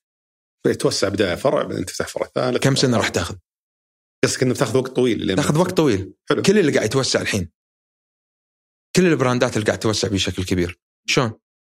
شلون؟ لازم استثمار طيب ما اختلفنا بس ما هو بتخارج كل آه، تخارج شنو؟ تخارج في فلوس حصة كاملة طبعا مو قصه كام... مو حصة كاملة أنت تقول لازم تبيع لا لا لازم تبيع قلت لك في أول شيء إنه في نوعين يا اللي يبيع يبدي يبيع النسب ويظل إنه هو يملك آه 51 أوكي فهمت عليك إيه. أو يبيع يملك أقل من 51 حلو. فأنت يا هذا يا هذا مم. وما تقدر تتوسع إلا إذا بعت قصدك تبيع حصة يعني طبعاً. من الشركة إيه. من أول شيء قلت لك إنه في شخصين يا واحد يبيع هو لازم هو يملك ال 51 أو شخص لا ما يهمه يمكن يملك. تبدأ كصاحب صنعه على قولتك وتبيع المطور أو المستثمر. فهذا الفرق ما بين شخص هاوي زين وشخص professional في هذا القطاع وشنو يبي يسوي؟ بالعكس كن هاوي كون عندك هدف أساسي ولكن لا تطمع. إذا تبي تتوسع تعيد كل شيء. تسوي reset والمشكلة الأكبر إن الشخص لما يبدي يفكر فقط هل عيب أو أو غلط إنك أنت تفكر وين تبي توصل. ما بديت صح؟ مثلا قول أنت ما بديت للحين. ليش ما أقول حق نفسي أنا في حال ربحت 100000 هذه خطتي. لأنه مو شرط عندي خبرة. حتى لو ما عندك خبرة في خطأ شيء خطأ أنت مو وأنت صغير أو أنت وأنت صغير تفكر إن أنت لما تدش الجامعة وتعلم تبي هالسيارة ولا تبي شنو لا تشتغل قصدي أنا شفت ال- الأربع أنواع اللي ذكرتهم. في احتمالية كبيرة إنه الشخص يبدأ مثلا صاحب صنعة نعم. باريستا. ويكتشف نفسه إنه يستمتع بالعمل الإداري وقادر عليه أكثر من 100% من ص... يمكن يكتشف نفسه إنه صاحب صنعة فاشل. واداري محنك. فالفكرة إنه فيها تجارب فيها صحيح. أخطاء زي ما اخطيت أنت. يعني الناس وهذا الأساس. عشان كذي ولكن كلها مبنية على قدرتك إنك أنت ما تعيش في وهم إنك أنت تعرف. إنك أنت تعرف من داخل التسامح مع النفس إنك أنت فعلا مو زين. إيه. وفعلا غير قادر. وإنك أنت لازم تتعلم شيء غير صاحب الصنعة. يمكن أنت نفس ما تفضلت إداري قوي ولكن في شيء ثاني. المطور مثلا يوصل إلى حد عالي يقول والله أنا صرت مطور قوي صح؟ مثلا انت تقدر تقول عن نفسك إنك أنت مطور قوي. ولكن المطور لما يبدي يتعلم الإدارة يتفوق بالتطوير بشكل جدا كبير. صاحب الصنعة لما يبدي يعرف في الأرقام يمكن يكون يتفوق بشكل جدا كبير كصاحب صنعة. فمشكلة الشخص لما يوصل إلى مطور يقول والله خلص صرت مطور أو صرت إن أنا شخص نفس ما تفضلت صاحب صنعه يلا خل أحول إداري. ولكن ليش ما تبدي تتعلم الأمور الأخرى لتطوير المهارة؟ أنت في حياتنا عموما في العمل أنت تملك مهارة فقط لا غير. والاستثمار في مهارتك هي اللي تقدر توصلك إلى التميز في العمل. وال... وال... والعلامة التجارية اللي عندك اللي ما توسعت فيها هل لأنك كنت تقول أنا أعرف قدراتي؟ ولا هذا هدفك منها أساسا؟ لا هذا الهدف منها تبغى تحافظ عليها بهالحجم نعم ولكن ليش؟ ولكن أنا الحين ضد التوسع ليش؟ لأن أنا الفكر الجديد هو كل دولة تتوسع على حسب القيم الأساسية للدولة والمجتمع. يعني أنا ضد الحين موضوع أخذ brand عندك brand في الكويت تفتحها في السعودية ليش؟ ضد هذا الشيء أيوه ليش؟ أكون صريح معك اي تمام ما عندك مشكلة من ال brandات الأقوى الحين في الرياض في السعودية هل سلوكيات المجتمع والمجتمع نفسه تثق في ال brand السعودي ولا ال brand الغير سعودي حاليا؟ لا تقول لي قبل. لا في ثقة كبيرة. أشوف ال brand السعودي مقارنة ب لا تحاول تكون سياسي لا بالإجابة. لا أتكلم جد. يعني صار فيه علامات تجارية قوية سعودية. حلو. أقوى بكثير من السابق يعني. 100% والمجتمع نفسه يثق ويحاول يدعم ال brand والعلامة التجارية. السعودية بشكل جدا كبير. م. والسوق السعودي قام يتطور بشكل جدا كبير. ولكن ما قاعد أتكلم فقط في السعودية في أي دولة كلها نفس الفكر ترى. فبناء brandات للمجتمع هو أفضل طريقة. أكبر خطأ بوجهة نظري الآن إنك أنت تطلع من brand من دولة إلى دولة، أنا ضد إنك أنت تطلع brand من مدينة لمدينه. أوف عاد أنت تطرفت كذا. أعطيك مثال. أقوى قهوة في الخبر من الرياض؟ آه ما أتصور لا. أقوى قهوة من الرياض من جدة؟ ما في بالي في في brandات مثلا زي Half Million هل هل تحسب؟ عطني إجابة. أقوى brand في جدة. هل هو من الرياض؟ باستثناء ال- العلامات التجارية العالمية؟ ما أنسى أنا ما قاعد أتكلم عن محلية التجارية. العالمية. أنا محلية. أنسى العالمي. حلو. وأنا الحين ما قاعد أكلمك على حتى خليجي. أنا. قاعد أكلمك أنا قلت لك أنا ضد حتى من مدينة لمدينة. هل أقوى مطعم في الرياض؟ جاي من جدة؟ أو أقوى قهوة جاية من جدة؟ ما يحضرني بس ما أدري وش ليش هذا يمنع. أنا أقول لك أنا أقول لك لا. هل أقوى قهوة في جدة هي من الرياض؟ لا. فأنا بوجهة نظري إن في المدن نفسها لا تطلع في نفس ال brand. brand واحد وهوية واحدة من من 20 هوية تقدر إنك تتوسع. هو مو مو خطأ التوسع ولكن مو كل brand يستاهل التوسع. في الدولة حتى. فأنت هذا عودة لنقطة ال- ال- ال- ال brand ات أو العلامات التجارية تبعتك اللي نجحت بس ما توسعت فيها هي أنت أصلا كنت بانيها لمدينة معينة لا هذا كنت؟ كنت قبل ان مفكر إن أي brand أسويه يفتح في كل مكان. وكانت هويتي وأساسية وبناء استراتيجية والبحث إن أنا أفتح في كل مكان اكتشفت هذه هذه الطريقة الخاطئة تذكر تقول خاطئة كذا إي أنا أنا قاعد أقول لك هاي وجهة نظري إيه. أنا ما قاعد أقول إن هذا الشيء الناس المفروض يسوونه. أنا أقول لك وجهة نظري فاكتشفت إن في brand ات أبنيها لمدينة في brand ات أبنيها لدولة في brand ات أبنيها للتوسع العالمي مو بق- مو بس خليجي. توسعت بشيء عالميا؟ اي يعني مثلا تشيكن توسعنا فيه في لندن جولت لما بنيناه توسعنا فيه في لندن.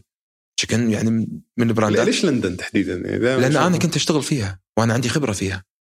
مو عشان الخليجيين يتوسعون. لا لا أنا من 2014 آه، كنت في استثمار آه، قطري في brand اسمه Soho Coffee وأنا طورته من 2014 ل 2018 وكنت ماسك تطوير هذا ال brand. وكنت عضو مجلس إدارة في هذا ال brand. فأفهم في السوق هناك شلون صاير وعندي فريق هناك. فيعال إن كل brand مبني المفروض على أسس معينة. أنا قاعد أقول لك إن أنا الفكر مالي يتغير ويتطور. أنا شخص بديت وأقول لك شلون تبني الهوية وشلون تتوسع في كل مكان. أقول لك هذا فكر القديم. الآن أبنيها في ثلاث مراحل. brand لمدينة brand لدولة brand عالمي. بس ما تشوف مع كثرة ال- ال- العلامه التجارية المحلية وحتى اللي تجي من برا السعودية صار في نوع من التشبع أو التضخم؟ أنا- صار, صار صار في تكرار كثير. ضد كلمة تشبع. التشبع تكلم تعلمك شيء ثاني. لما تقول لي مثلا أعطيك مثالين. إيش كثر سوق ال- البرجر متشبع؟ يعني ما يعني اليوم من قبل سنتين. كثير. والكل كان يقول لك صعب إنك انت تسوي برجر. الحين أكثر brand قاعد تفتح البرجر إيه، بس وش تقدر تميز فيه؟ أحس كل شيء جربوه يعني. سوق الشاورما. سوق الشاورما. كان من أكثر ال- ال- يعني أكثر سوق أو أكثر قطاع في قطاع الأكل والمشروبات. متشبع بشكل جدا كبير. وصعب المنافسة فيه لأن سعره. هل كنت تتقبل إن أيام قبل كم سعر ال- ال- المتوسط للشاورما؟ ستة؟ خمسة ريال؟ أقل بعد كان وكان مشهور في. الدجاج. هو هو شاورما الشاورما أساسا بدأت لحم تحولت إلى دجاج وكان وصلت لمرحلة 6 5 6 ريال لفترة. طويلة الحين شنو صار؟ brand ات فتحت بطريقة متميزة بسبب التشبع لازم يتميز والحين قاعد تنباع اللحم اللي هي مو مشهورة ولا متوسع فيها أكثر دجاج لحم و14 ب 15 ريال. لو أي واحد تقول له هذا الكلام قبل راح يقول لك هذا انتحار في ال business. فأنا ضد كلمة تشبع. التشبع يعطيك فرصة للإبداع بشكل جدا كبير. فما تشوفه تكرار أفكار صار؟ ماكو تكرار أفكار. هو بزنس. التكرار أفكار؟ تفشل؟ تسكر. تقدر تاخذ فكرة تنفذها بطريقة زينة تنجح. م. تشبع شيء لا ما يصير أحد يشوفه. وما يحطه في عين الاعتبار يشوف الطريقة الثانية إن التشبع هو الفرصة الأقوى إن الواحد يتميز ويبني شيء مختلف تماما. ولكن مو مختلف الناس ما تبيه. ولكن تتميز فيه. في جد شيء جدا كبير. ما يصير أنت تدش على سوق متشبع وما تستثمر فيه بطريقة صحيحة. المشكلة تبي تبدا شيء الحين. يعني مو مهم. سؤال الناس إيش يحبون يأكلون اليوم؟ يعني وش بتبدأ؟ وش بتبدأ البراند؟ وين؟ وين تبدأ؟ أنت ليش قاعد تفكر فقط إن الناس شنو يحبون اليوم؟ لأنك يمكن تبغى تبدأ بشيء يواكب الرغبة العامة في, في الأكل. يعني مثلا زي الشاورما نشوف ترند حقها لحم الحين. صعب تروح تعاكس ال... ليش صعب؟ هو ماكو شيء اسمه صح وخطأ. هل قادر على تنفيذ شيء مختلف يعجب الناس؟ المخاطر على أساس استثمارك وقوتك من الاربعه فانت تشوف المفروض ما تناظر شيء معين يحبون الناس. أي فكرة عندك مو مهمة. شنو مهارتك؟ شنو نقاط قوتك اللي أنت تقدر تخليك تكون أقل المخاطر وتنجح؟ هل أنت حاط هدف؟ محل محلين عشرة مية؟ كيفك؟ تبي 100 فرع وتحلم وما تبي تستثمر. في القطاع اللوجستي للشركة مالتك وأنت تبي تتوسع ب 100 فرع ما يصير. تبي تفتح فرع واحد وعندك قيمة استثمار لفرع واحد ابني أفضل هوية وسوي أفضل بحث إنك أنت شلون تقدر تتميز. أنت تعتقد أكبر تحدي هو موضوع الهوية أكثر شيء؟ لا هو تنفيذ فكرتك بالطريقة الصحيحة. هذا أكبر تحدي في قطاع المطاعم. تنفيذ الفكرة مو مهم الفكرة مهم تنفيذها بالطريقة الصحيحة. بس هذا هذا أصعب شيء. أصعب شيء. أي شيء ثاني أي شيء ثاني سهل. الصعب دائما ترى التنفيذ. م. الشيء السهل الهوية وهالشغلات كلها سهلة. التنفيذ هو أصعب شيء. والترويج لها طيب ولا الترويج لا إذا أنت منفذ شيء صح ترويجها سهل. شلون؟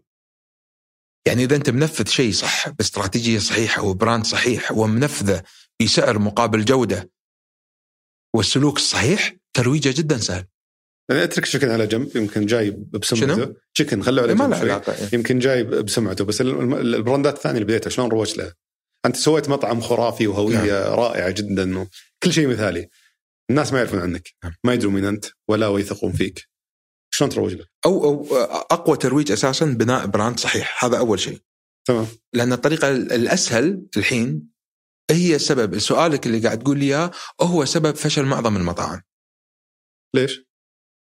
في 2005 لما بدينا أو 2004 ما كان في واتساب ما كان في بلاك بيري ما كان في social media. 2005 إيه بدايتنا okay ما كان في ولا شيء ابدا ما كنت أقدر أوصل للناس ما كان في شركات توصيل كان التوصيل يكون عن طريقنا وبالتليفون شلون كنت أقدر أوصل؟ شلون كنت أروج؟ شلون؟ كان دائما مبني شيء على إن أنت تبني brand ومنفذ بالطريقة الصحيحة سمعته تقدر توصل لأسرع عدد من الناس. لأن كونها وقتها كرائد أعمال أو واحد توني جديد بادي كم دعاية التلفزيون كانت؟ امم خيارك الوحيد كان. ربع ربع صفحة في الجريدة عن عن سعر الإعلان الحين مع أحد المشاهير بوقتها بسعرها. هني كان الصعب. للأسف الحين أسهل شيء يتروج. بس بسبب إنه صار أسهل شيء الترويج بدوا يهملون كل شيء له علاقة في التنفيذ. لأنه يفكر فقط شلون يوصل للعميل. جميل صار يستسهل موضوع ال... لأن لا لا ما صار صار عنده ارتياح. أسوي دعاية في هالبرنامج ولا مع هالمشهور وأقدر أوصل لاكبر عدد. بس علامته ما تقدر تشيل نفسها فما يكملون معك الناس. فأنا ما سؤال إنه كيف تروج ولا شلون تقدر الناس تشتري ال brand مالك أو أو أو توصل لك؟ حلو؟ فكر أنت شلون تقدر تبني شيء الناس توصل لك من سمعته من قوته. ثم تحتاج إلى الترويج للوصول إلى هدف من قادر توصل له لسلوك من قادر توصل له لشريحة من قادر توصل لها لأنك أنت مثلا عندك هدف معين للبيع. دائما أقول أنت تقدر تحلل ال business بشكل جدا ممتاز في حال البيع. يعني مثال أنت هدفك تبيع 10000 حلو؟ وقاعد تبيع دائما سبعة سبعة ثمانية. تقدر تحلل وتعرف وين نقاط قوتك ونقاط ضعفك وتروج بطريقة زينة وتروح صح؟ صح. المشكلة الأكبر أن الواحد يبني brand ويبي يبيع عشرة ويبيع ألف ويحاول يروج. المفروض أنت ما تحلل ال brand تحلل نفسك. okay. تحلل نفسك. تعاملك مع البراند. المشكلة الأكبر أن الناس تشوف الترويج هو الحل الأساسي لوصولك إلى هدفك للبيع. ولكن قبله في تحليل لنفسك. وش تبغى توصل لل brand اللي أنت بنيته هل هو صحيح ولا لا؟ فتشوف أنت الحين تركيز ما هو على الأساس اللي هو ال brand تركيز على أشياء يمكن أشياء. ثانية السهلة. الصعب إنك أنت تبني براند صحيح. منتج يتنفذ بطريقة صحيحة سعر مقابل جودة بطريقة صحيحة لأن ما أحتاج أكثر من زيارتك عشان تقتنع. حلو. وذكرت أنت موضوع برضو إنك تشتغل مع ناس يكملونك عادة. جميل نظريا بس شلون تلقاهم عاده المبدعين اللي سواء كانوا تشتغل مع توظفهم. أو تشاركهم في فرق وايد كبير بينهم. أو تشتغل عندهم إذا كنت بدايتك يمكن. وايد فرق. فأنت يعني ال- اللي تشتغل معاهم شيء واللي تشاركهم شيء. كيف؟ أول شيء أنت كمنظومة تبي تحاول توظف شخص. في بدايتي كنت أفكر أم، إن ما في شخص يقدر يشتغل نفسي. كان كل شخص اقلل للأسف اقلل من عمله مم. ليش؟ لأني 24 ساعة أشتغل. أبي واحد نفسي. صح؟ وأي واحد أقل انه مقصر. مقصر. وفعلا ترى كنت أعيش فيه اكتشفت إني أنا كنت خطأ. اكتشفت إن الأشخاص ثلاث. واحد يشتغل من الساعة 8 للساعه 3 ما يعطيك لا دقيقة أكثر ولا دقيقة أقل. مم. انسى يرد على تليفونه. وعاد يقول لك إن أنا برا أوقات العمل وبال weekend انسى يكلمك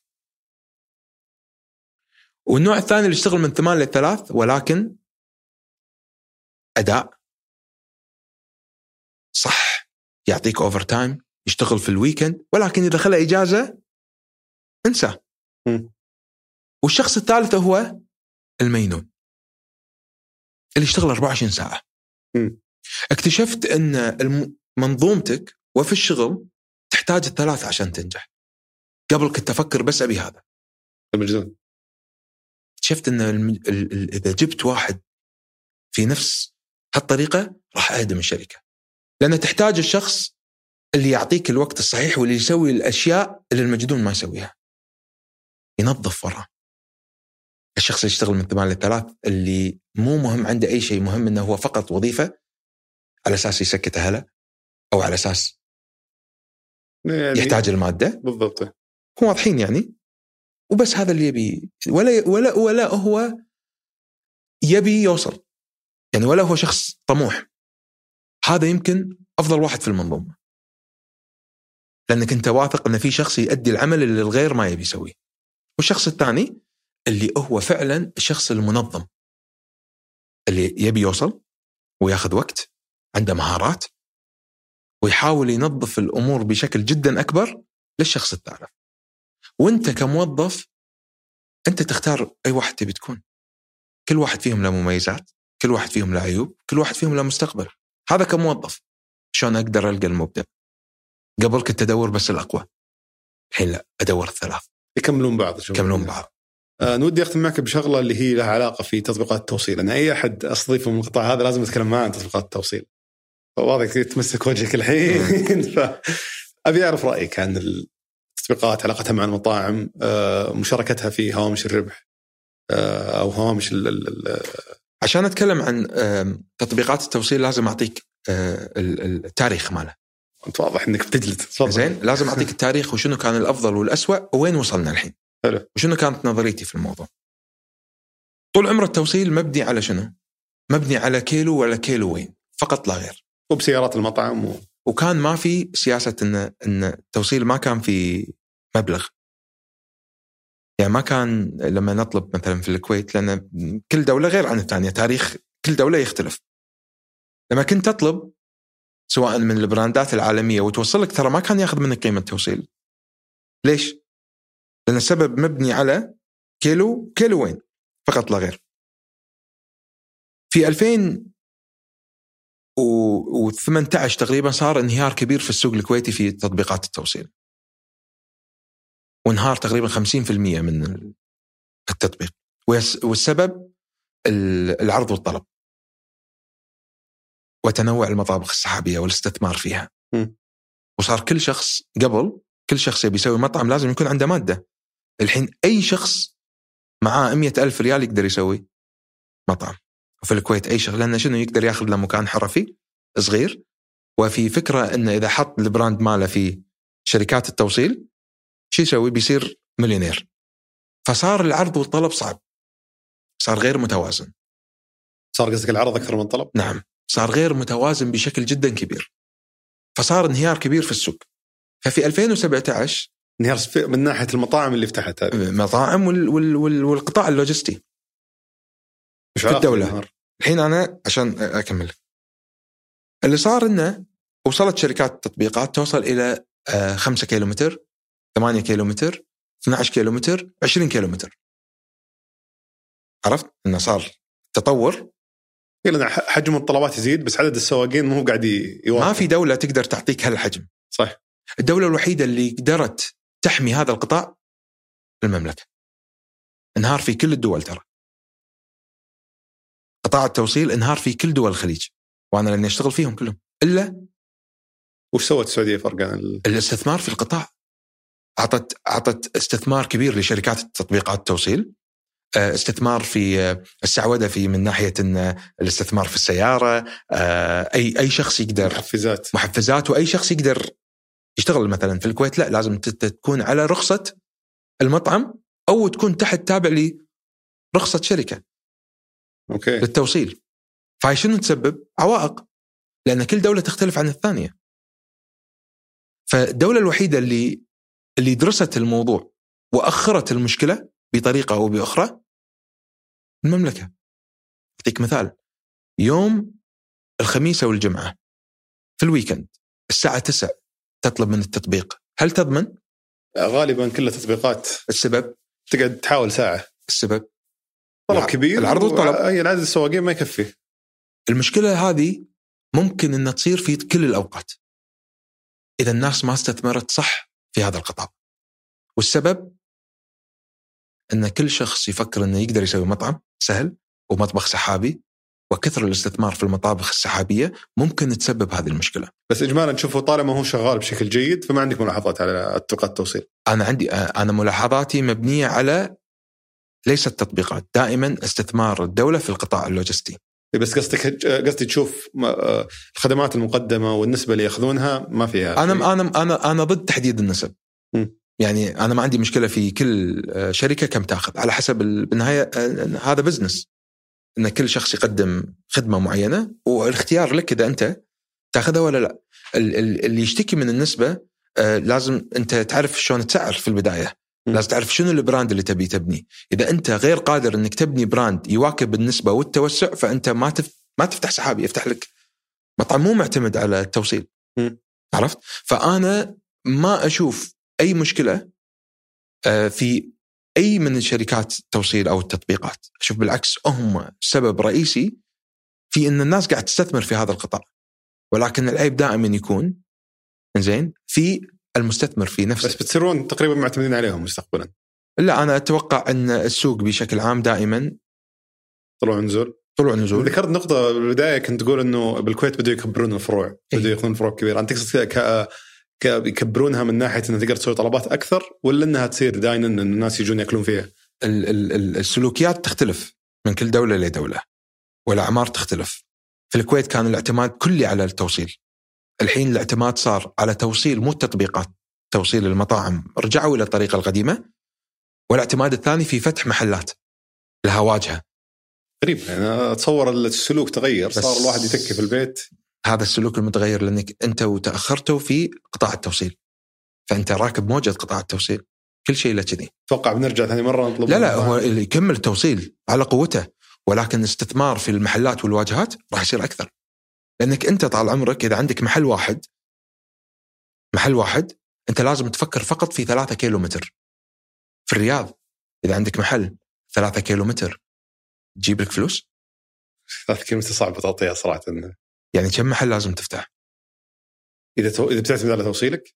ما ما أعرف. مو توصيلك. على وش سؤالي يعني عشان بس عشان توصل للناس قصدك؟ لا عشان انت قاعد تقول لي شلون يصير. أقول لك المشكلة مو من التطبيقات. أنت في وقت الذروة. الناس يا تتغدى يا تتعشى صح ولا لا؟ صح. التطبيقات دائما شو يصير فيها في وقت الذروة؟ ضغط يصير ما نقدر. فالكيلومترات ينزل إلى اثنين ولا ثلاثة. هل في وقت الذروة أنت كمطعم تفتح سحابي أو مطبخ واحد من من يعني من فرع واحد تقدر تبيع مبلغ زين ثلاثة كيلو متر في الرياض؟ في الكويت تقدر لأن المنطقة صغيرة. اي بالرياض صعبة صعبة يعني إذا جاك نفس العدد من الطلبات فأنت أنا- انت قادر تلبيه أصلا ما راح يجيك لأنك أنت أساسا يمكن منطقتك مو متوسعة، فالغلط الأكبر مو من التطبيقات أو التطبيقات راح يصير فيها أي مشكلة هي التطبيقات تقدم خدمة. على على سلوك المستثمر وشنو هو الفكر ماله؟ هل أنت تقدر تبني براند سحابي صحيح في منطقة صحيحة تؤدي الهدف الأساسي اللي أنت تبيه في ساعات الذروة ويكفيك الفرع الواحد؟ أو أنت شخص تبي تستثمر في هذا القطاع وتروح أربع أو خمس محلات؟ إذا لا افتح لك ال- المطعم اللي فيه واجهة والناس تجي تاخذ منك والتوصيل يشكل جزء من ال experience نفسه أو من الخدمات اللي أنت تقدمها. فدائما أقول لك التطبيقات هي واحدة أسلوبها واحد. القطاع اللوجستي يأثر فيها وقطاع المطاعم واستثمار فيه والتطوير فيه يأثر في عملك مو التطبيقات تأثر فيك. جميل. الله يعطيك العافية أخوي. يعافيك استمتع ومش- جدا بلقائك تسلم يا اليوم غالي ومشكور. وجوعتنا الله يهديك يعني ذكرت. تامر حبيبي تامر. احترت ما أدري شو أتعشى الحين. تعال اللي اللي مشتهي أنت. من brandات والأقرب. بالاقرب إيه. ما شاء الله عاد لا لا تشيكن غير أي ناخذ شيء. ناخذ نصائح ثانية منك بعد اللقاء. إن شاء الله تامر. يعطيك العافية. شكرا الله خير. هذا كان بالنسبة لحلقة اليوم. شكرا لمتابعتك الحلقة. إذا أعجبتك أتمنى تدعمني بالنشر والتقييم. وإذا عندك ملاحظات يا ريت تشاركني إياها على حسابي في تويتر دبيان. أو إيميل البرنامج سوالف ثمانية dot com شكرا لفريق سوالف بزنس في الإعداد عبد الملك آل سعيد خلف الكاميرات ياسر بن غانم في التحرير مرام ضبيبان وجميل عبد الأحد وفي الهندسة الصوتية عبد العزيز المزي وفي إدارة الإنتاج هنادي الهذلي وصالح باسلامة وفي الإشراف على إذاعة ثمانية سحر سليمان. كان هذا سوالف بزنس أحد منتجات شركة ثمانية للنشر والتوزيع.